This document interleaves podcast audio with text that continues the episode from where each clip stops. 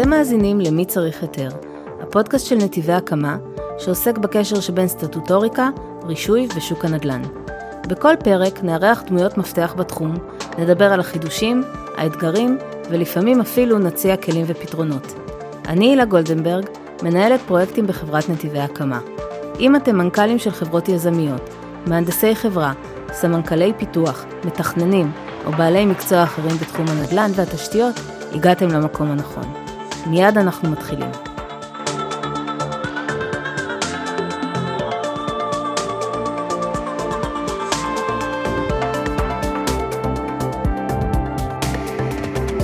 אנחנו מקליטים את הפרק הזה כמה ימים לפני ערב חג הפסח, או חג החירות. זה החג שבו בין היתר אנחנו חוגגים את החופש.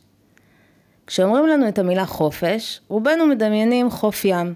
לפעמים על אי, לפעמים לא. לפעמים מתקלים, לפעמים בלי. ועל החוף הזה אנחנו יושבים בחוסר מעש מבורך, משוחררים, מכל הטרדות, העיסוקים והמטלות שלנו.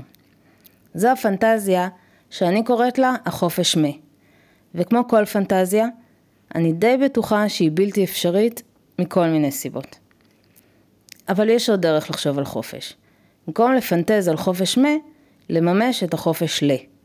זה מצב קצת שונה, שבו אנחנו אמנם נשארים עם כל העיסוקים והמטלות, אבל אנחנו מסירים מגבלות, מרחיבים את מרחב האפשרויות ומעלים את דרגת חופש הפעולה שלנו. זה רלוונטי לכל תחומי החיים, אבל אנחנו פה כדי לדבר על סטטוטוריקה ורישוי. לכן, בפרק הזה, נדבר על הדרך ליצור חופש ל, בתחום שגורם למי שעוסק בו להרגיש לפעמים תקוע, בין אילוצים ודרישות. את החופש ל אפשר ליצור במה שאנחנו קוראים לו אסטרטגיית רישוי. אבל לפני שבכלל אפשר אה, לדבר על מה זה אסטרטגיית רישוי, צריך להבין את ההבדל בין חשיבה משימתית לחשיבה תהליכית. עכשיו, ברור שכל תהליך מורכב ממשימות, אבל כשאנחנו מגדירים משימה, מאוד מאוד קל להיתקע. למה אני מתכוונת? נגיד שאנחנו מגדירים לנו סתם איזושהי משימה, שאנחנו צריכים לתאם פגישה עם מנהלת אה, מחלקת הרישוי בוועדה. עכשיו, המנהלת הזאת יכול להיות שהיא בחופש, יכול להיות שהיא לא נמצאת, יכול להיות שבתקופה הקרובה היא בכלל לא זמינה לפגישות. אז מה נשאר לנו לעשות עם המשימה הזאת? הם פשוט ממתינים, מחכים עד שהיא תתפנה. אבל כשאנחנו חושבים תהליכית, אנחנו בעצם אף פעם לא נתקעים. קודם כל, כי אנחנו אולי יכולים לשנות את המשימה. במקום להיפגש עם אותה מנהלת מחלקת רישוי בוועדה, להיפגש עם גורם אחר, או במקביל לקדם אישורים אחרים ותהליכים אחרים, כדי שיעזרו לנו לקדם את תהליך. עכשיו, זה נכון לכל דבר בחיים, אבל זה ממש קריטי שאנחנו מדברים על רישוי, כי מה שזה עושה, זה משנה את החשיבה שלנו ואת שיטת העבודה שלנו. ואנחנו מפסיקים לחשוב על למלא משימות ברישוי, ואנחנו מתחילים לחשוב על לפתח אסטרטגיית רישוי. עכשיו יש לי עוד דוגמה ממש טובה, כי זה קורה המון. הרבה פעמים בתחום הזה אנחנו נורא מחברים בין המטרה לבין ההליך. נגיד רוצים אה, להשביח נכס, הולכים לעשות אה, תב"ע. רוצים אה, לבנות משהו או להוסיף בנייה, לשנות בנייה, לשנות שימוש, הולכים, הולכים להיתר בנייה. אבל מה קורה כשאי אפשר לאשר את התב"ע? מה קורה כשלא ניתן להוציא היתר? אז מה? נתקעים. פה, כשעובדים אסטרטגית, אפשר להמשיך להתקדם. ויש לי סיפור ממש טוב שקרה, שקרה ללקוח שלנו. הגיע אלינו הלקוח ואמר שהוא חייב להסדיר שימוש לאחסנה בנכס אה, שבבעלותו.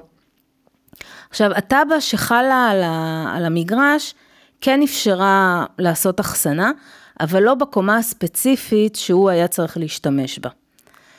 אה, אז מה עשו? אה, עשו שימוש, היתרים לשימוש חורג מטאבה, אה, הוציאו שני היתרים כאלה, וכשההיתר עמד לפוג, הוועדה אמרה שהיא בשום אופן לא מוכנה לאשר את השימוש הזה במסגרת היתר לשימוש חורג. והיא דרשה מאותו, מאותו לקוח להסדיר את המצב הזה באופן קבוע.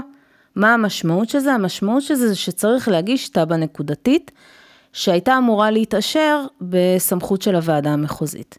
עכשיו, בגלל שטאבה זה תהליך באמת מאוד מאוד מורכב, שצריך להשקיע בו המון המון המון משאבים, אנחנו עשינו איזושהי בדיקה מדגמית של טבעות נקודתיות ש... שהגישו באזור. וראינו שאומנם עד איזשהו שלב הוועדה המחוזית אישרה את הטבעות האלה, ובאיזושהי נקודה היא פשוט אה, אמרה שכל עוד אין תוכנית מתארית לאזור הזה, היא לא מוכנה יותר אה, לאשר טבעות נקודתיות. עכשיו, במצב הזה, מה אנחנו אמורים לעשות?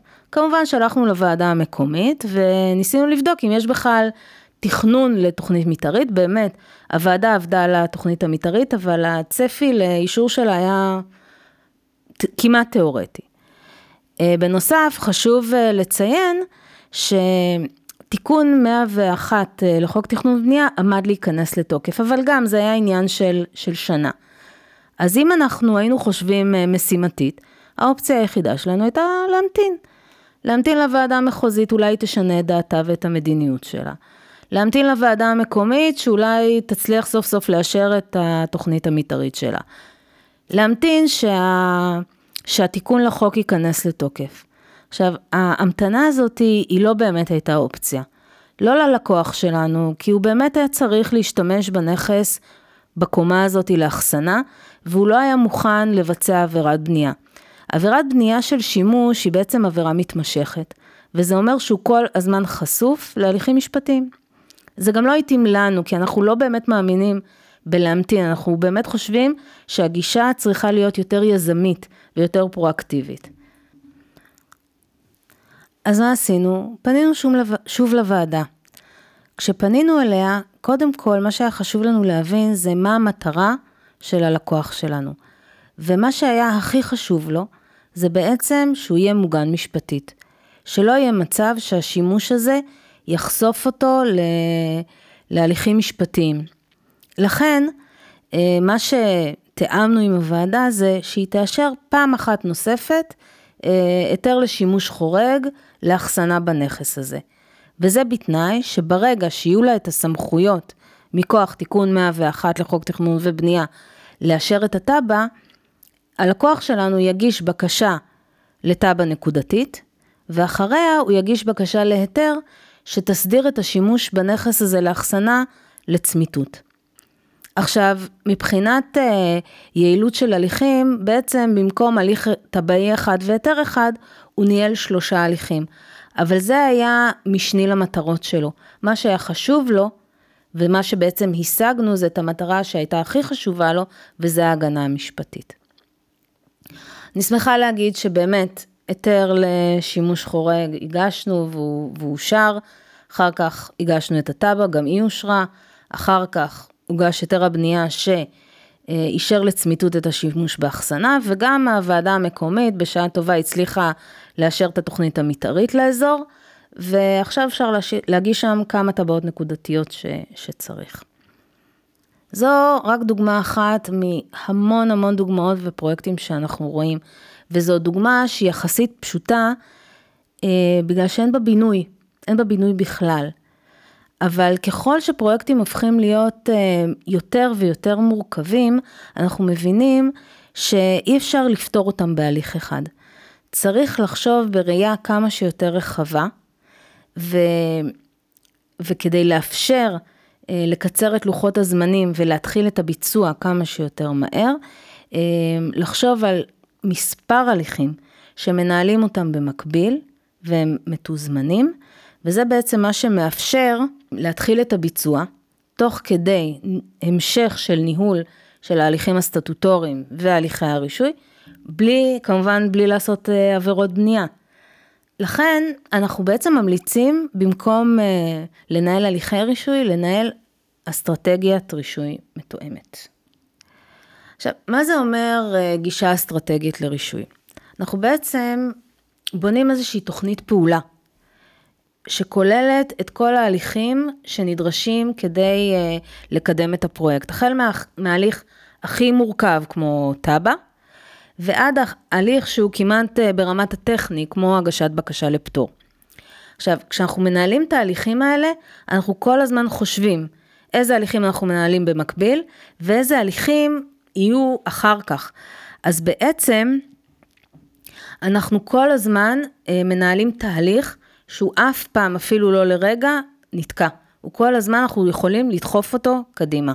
עכשיו, כמובן שהאסטרטגיה כזאתי חייבת להישען על תכנון אדריכלי ועל האופן שבו הולכים לבצע את הפרויקט.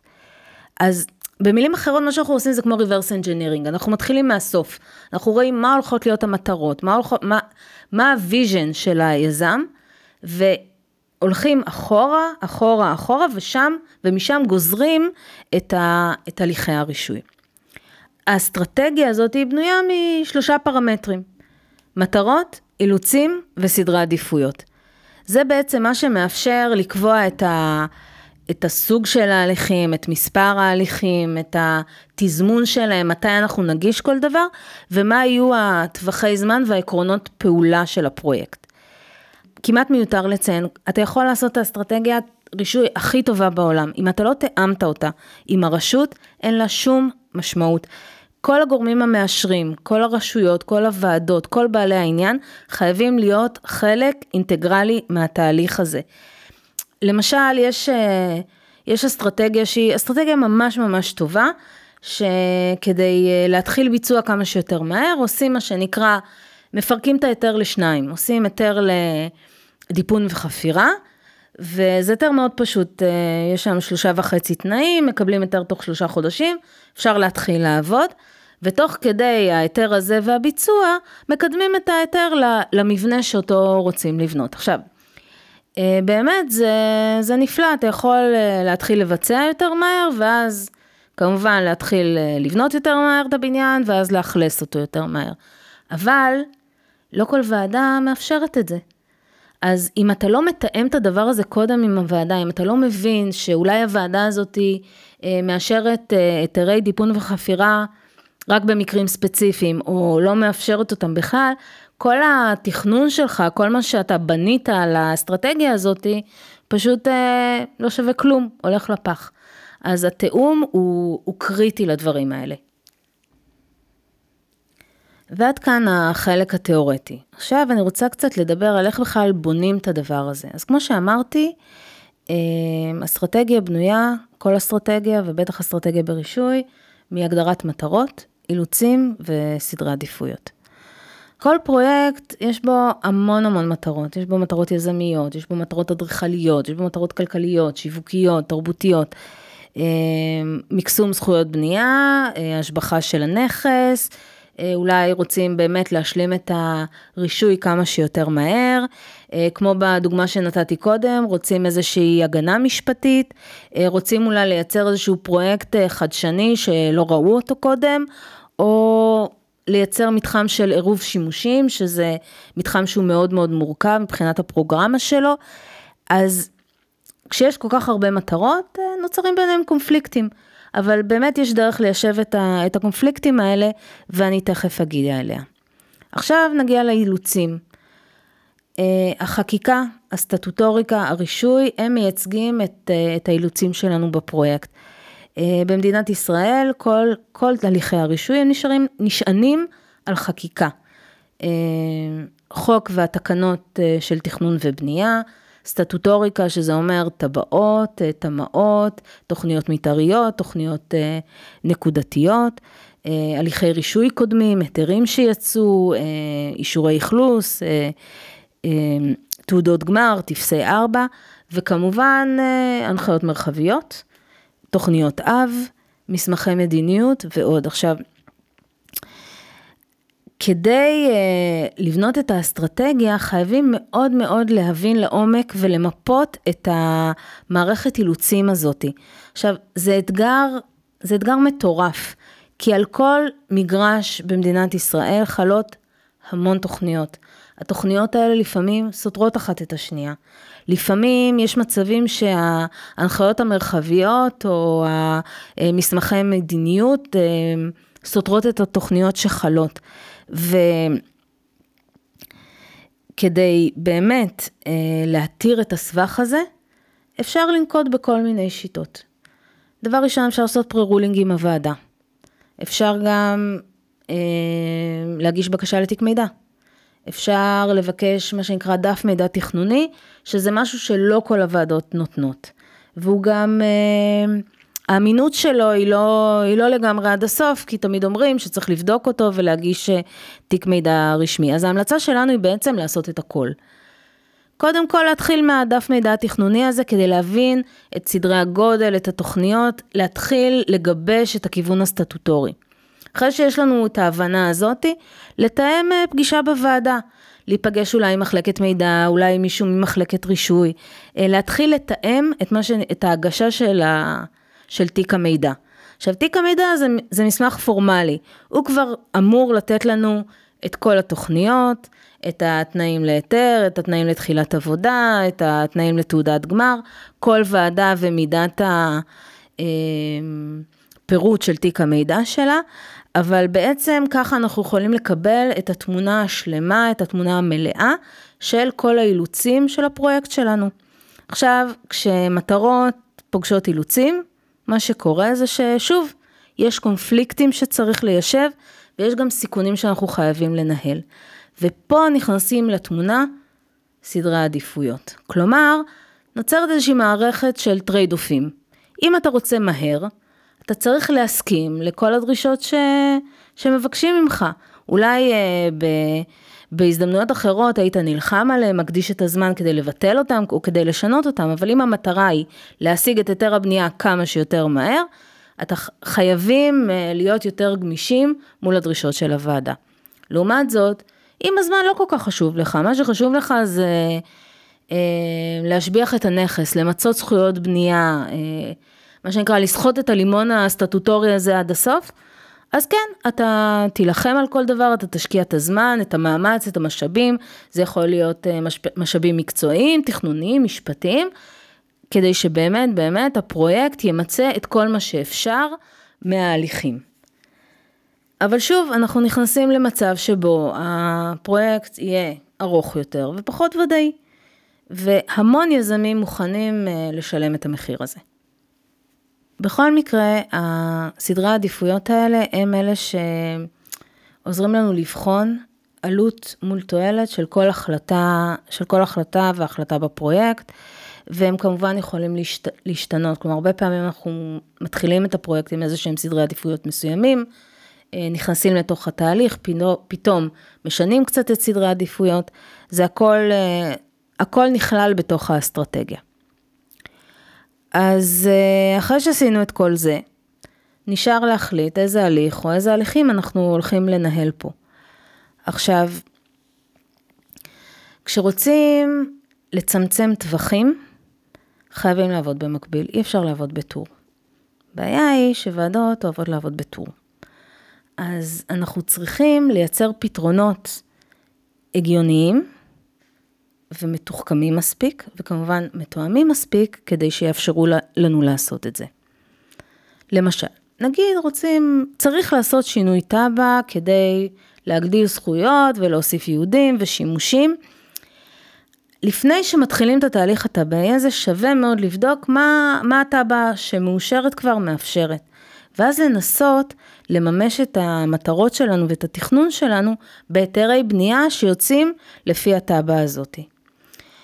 במקביל לכל זה, להיתרי הבנייה ותחילת הביצוע, מתחילים לקדם ולתזמן את התהליך הסטטוטורי הארוך יותר, שיגדיל לנו את הזכויות, שירחיב את השימושים ואת היהודים.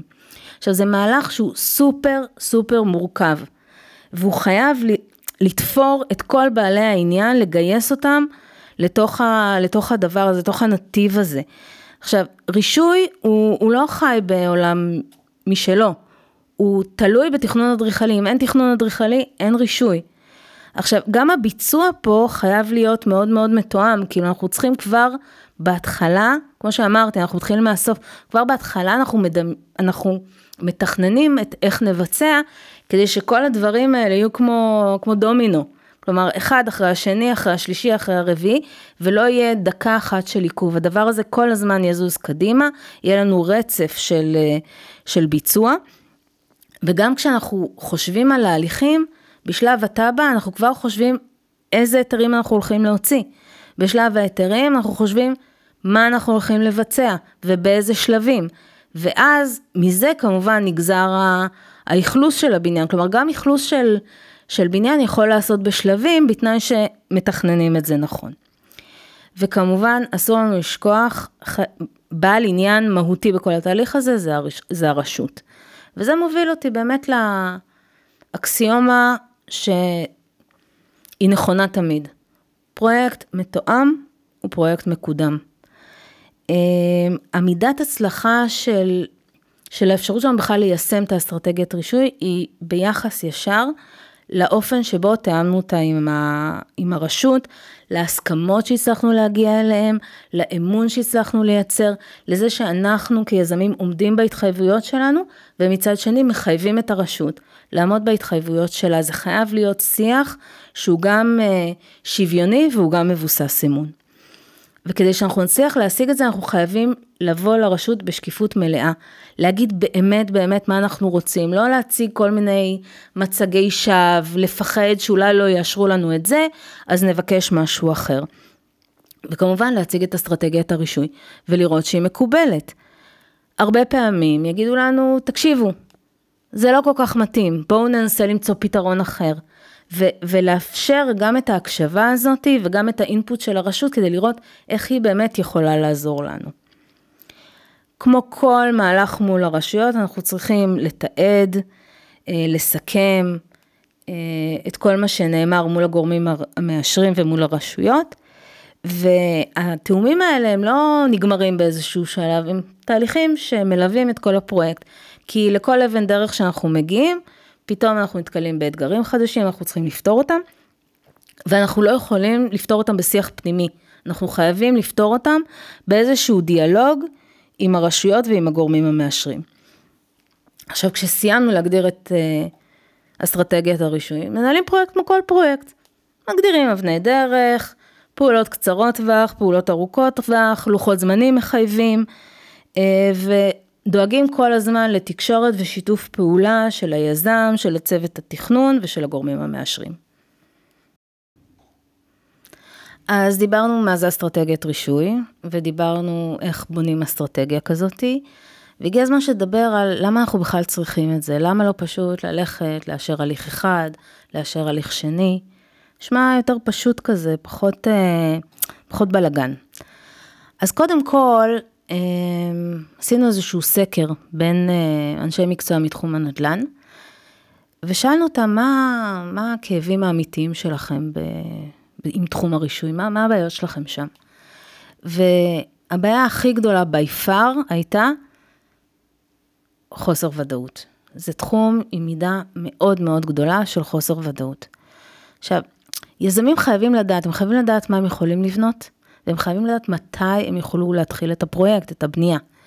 והתשובות, ו, וברישוי היום, בלתי אפשרי לענות על השאלות האלה, אה, בטח לפני שמתחילים את הפרויקט, ואפילו כשאתה, כשאנחנו נמצאים בשלבים ההתחלתיים שלו, עד בערך, אני יודעת מה, יותר מרבע פרויקט, עדיין אנחנו לא יכולים לענות על השאלות האלה. זה מצב בלתי אפשרי, כי זה, זה בעצם משפיע באופן ישיר גם על הרווחיות של הפרויקט, גם על האופן שבו מנהלים את הסיכונים, גם על תהליכי קבלת החלטות ברמות הכי גבוהות של, ה, של המערכת.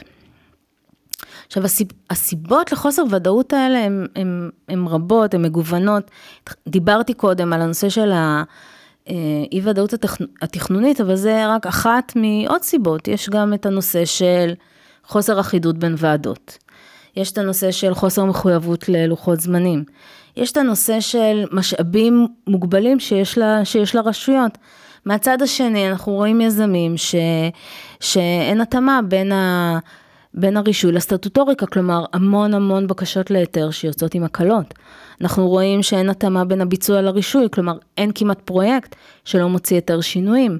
אנחנו רואים אה, תקשורת שהיא, שהיא לא תקשורת מקצועית עם הרשות, אנחנו רואים מצבים שיזמים, אפילו יזמים מאוד ותיקים, לא מבינים עד הסוף את ההליכים ואת המשמעות שלהם. עכשיו, כשאנחנו בונים אסטרטגיית רישוי, אנחנו פותרים את כל הדברים האלה עוד לפני ש... שהתחלנו לכתוב את מהות הבקשה בתיק המידע. ואז אנחנו בעצם מעלים באופן משמעותי את, הוועדה, את הוודאות בפרויקט, כי אנחנו, מה אנחנו עושים? אנחנו עושים מתווה מתואם, והדגש הוא על מתואם. כלומר, זה לא איזושהי פנטזיה שמישהו כתב באיזשהו מקום, זה משהו שבדקנו, וידאנו, אה, בנינו, הלכנו לרשות, קיבלנו הסכמות כאלה ואחרות שלה, ורק אז אנחנו יוצאים לדרך. ואז, אתה יודע, חוסכים, חוסכים בעלויות מיותרות, אפשר להיערך לכל מיני אה, אה, בלת"מים אם, אם הם יקרו, ואפשר כבר בשלבים מאוד התחלתיים של הפרויקט אה, לקבל מענה. היתרון הנוסף של ה... שמנהלים רישוי בדרך הזאתי, זה שזה מקצר משמעותית את טווחי הזמנ... הזמנים, כאילו, באמת, אפשר לחסוך של עד 30 אחוז בזמן שלוקח לרשות פרויקטים, כשחושבים אסטרטגית. למה? אין הליכים מיותרים. הכל מאוד מאוד מסונכרן, הכל מתוכלל לתוך האסטרטגיה הזאתי, ולא מתברברים ולא הולכים לאיבוד בכל מיני אה, הליכים הזויים שבאמת, אני אפילו לא אתן את הדוגמאות למה שאנחנו שומעים במהלך השנים. כמובן שכל זה מאוד מאוד מייעל את התהליך, כלומר, אה, אנחנו ברישוי, אה, אנחנו תמיד אומרים שצריך להשקיע משאבים בלתי מוגבלים. צריך להשקיע כסף, צריך להשקיע זמן, צריך להשקיע בצוות אה, תכנון שהוא יהיה, שהוא יהיה מדהים. כלומר, המון המון נכנס לתוך הדבר הזה כדי שאפשר יהיה להשלים את תהליך הרישוי. עכשיו, כשאנחנו בונים אסטרטגיית רישוי, לפעמים אנחנו אפילו מייתרים הליכים. היה איזה לקוח שהגיע אלינו וביקש מאיתנו ש... שנקדם לו תב"ע. עכשיו, אנחנו, בגלל שאנחנו עובדים בצורה מאוד מתודולוגית ואסטרטגית, אה, התחלנו קודם כל להבין מה, לנסות להבין ממנו מה, מה באמת המטרות שלו בפרויקט. בשלב הבא התחלנו למפות את מה שנקרא אילוצים, כלומר עשינו בדיקות סטטוטוריות מעמיקות של טבעות והיתרי בנייה שיצאו ושל ממש אה, מחקר מאוד מעמיק של תיק הבניין. ואז גילינו שאת המטרות שלו אפשר להשיג בכלל בהיתר בנייה ולא צריך ללכת לתהליך המאוד מאוד מאוד מורכב הזה שנקרא תב"ע. עכשיו, מיותר לציין שכשאנחנו מצליחים לקצר לוחות זמנים ולייעל תהליכים ולהגדיר את, התהליכים בצורה מדויקת ונכונה, אז אנחנו גם מצליחים להוריד את העלויות שלוקח לנהל את הרישוי. אמ, עכשיו, אחד הדברים באמת הכי הזויים ש, שקורים, זה שאנחנו נתקלים בפרויקטים שהם מגיעים לרמת תכנון מאוד מפורטת, אני מדברת על רמת תכנון של תוכניות עבודה, ואף פעם לא הראו אותם לרשות. ואז מגיעים לוועדה, והוועדה אומרת, תקשיב, אנחנו לא יכולים לאשר את הפרויקט הזה. הוא לא תואם את ההנחיות המרחביות שלנו, את ה... או את המסמכי מדיניות שלנו. כלומר, הלכו והשקיעו המון משאבים בתכנון, בחשיבה, לפעמים, אתה יודע, התחילו כבר מתחילים אולי אפילו הליכים שיווקיים, תהליכים שיווקיים כאלה ואחרים, ומסתבר שיש לך פרויקט מדהים, אבל אתה לא יכול לאשר אותו. עוד דבר שאנחנו רואים זה שמאפיינים לא נכון את ההליך, כלומר, מחליטים שצריך אה, פה, לא יודעת מה, היתר אה, לשימוש חורג, שבכלל זה לא המצב, אפשר, אה, אפשר בהיתר רגיל או בהליך אחר אה, לממש את המטרות. אז כשעושים אסטרטגיה, אנחנו בעצם מונעים את, ה, את כל הדברים האלה. קודם כל, כי אנחנו תיאמנו את את, אותה עם הרשות. והדבר השני, שבאמת עשינו בדיקה מעמיקה של הסטטוטוריקה והרישוי, אה, לפני שבכלל התחלנו, כלומר, אולי תוך כדי, אולי במקביל, אבל יחד עם התכנון, כלומר, התאומים האלה וה, והסינכרון הזה הוא מאוד מאוד חשוב. אה, אז זה בעצם הנקודה הבאה שלי, כלומר הסטרט... היתרון הגדול של האסטרטגיה שהיא יוצרת אינטגרציה. יש בפרויקט המון בעלי עניין. לכל בעל עניין יש את האג'נדה שלו. וכדי שכל האנרגיה הזאת תלך לכיוון אחד ולא תתחיל להתפזר בכל מיני עולמות אה, לא רלוונטיים, אנחנו יוצאים את האסטרטגיה, יוצרים את האינטגרציה הזאת, מביאים את את כל בעלי העניין לידי ביטוי, את כל האג'נדות. כמובן, שוב, לפי סדרי עדיפויות, כלומר, כשהמערכת הזאת היא לא מאוזנת, אז הפרויקט לא יכול לצאת לפועל. כלומר, אם נלך רק עם המטרות היזמיות, או, ונתעלם מהמטרות האדריכליות או החברתיות, אז, אז יצא פרויקט לא טוב. אבל אסטרטגיה מייצרת את האיזון הדינמי הזאת, הזה, פעם אחת אה, מטרה אחת עולה, פעם אחת היא יורדת, וככה התהליך הזה מתקדם כשאנחנו מסתכלים עליו תמיד, גם מפרספקטיבה מאוד רחבה, אבל גם מאוד ערים לכל הפרטים שיכולים אה, לתקוע אותנו, ואנחנו מנטרלים אותם. בסוף, כשעובדים אסטרטגית, הניסיון שלנו מראה שמצליחים להגיע למיצוי הרב ביותר של האפשרויות התכנוניות שטאבה מאפשרת, בזמן הקצר ביותר ובאופן היעיל ביותר.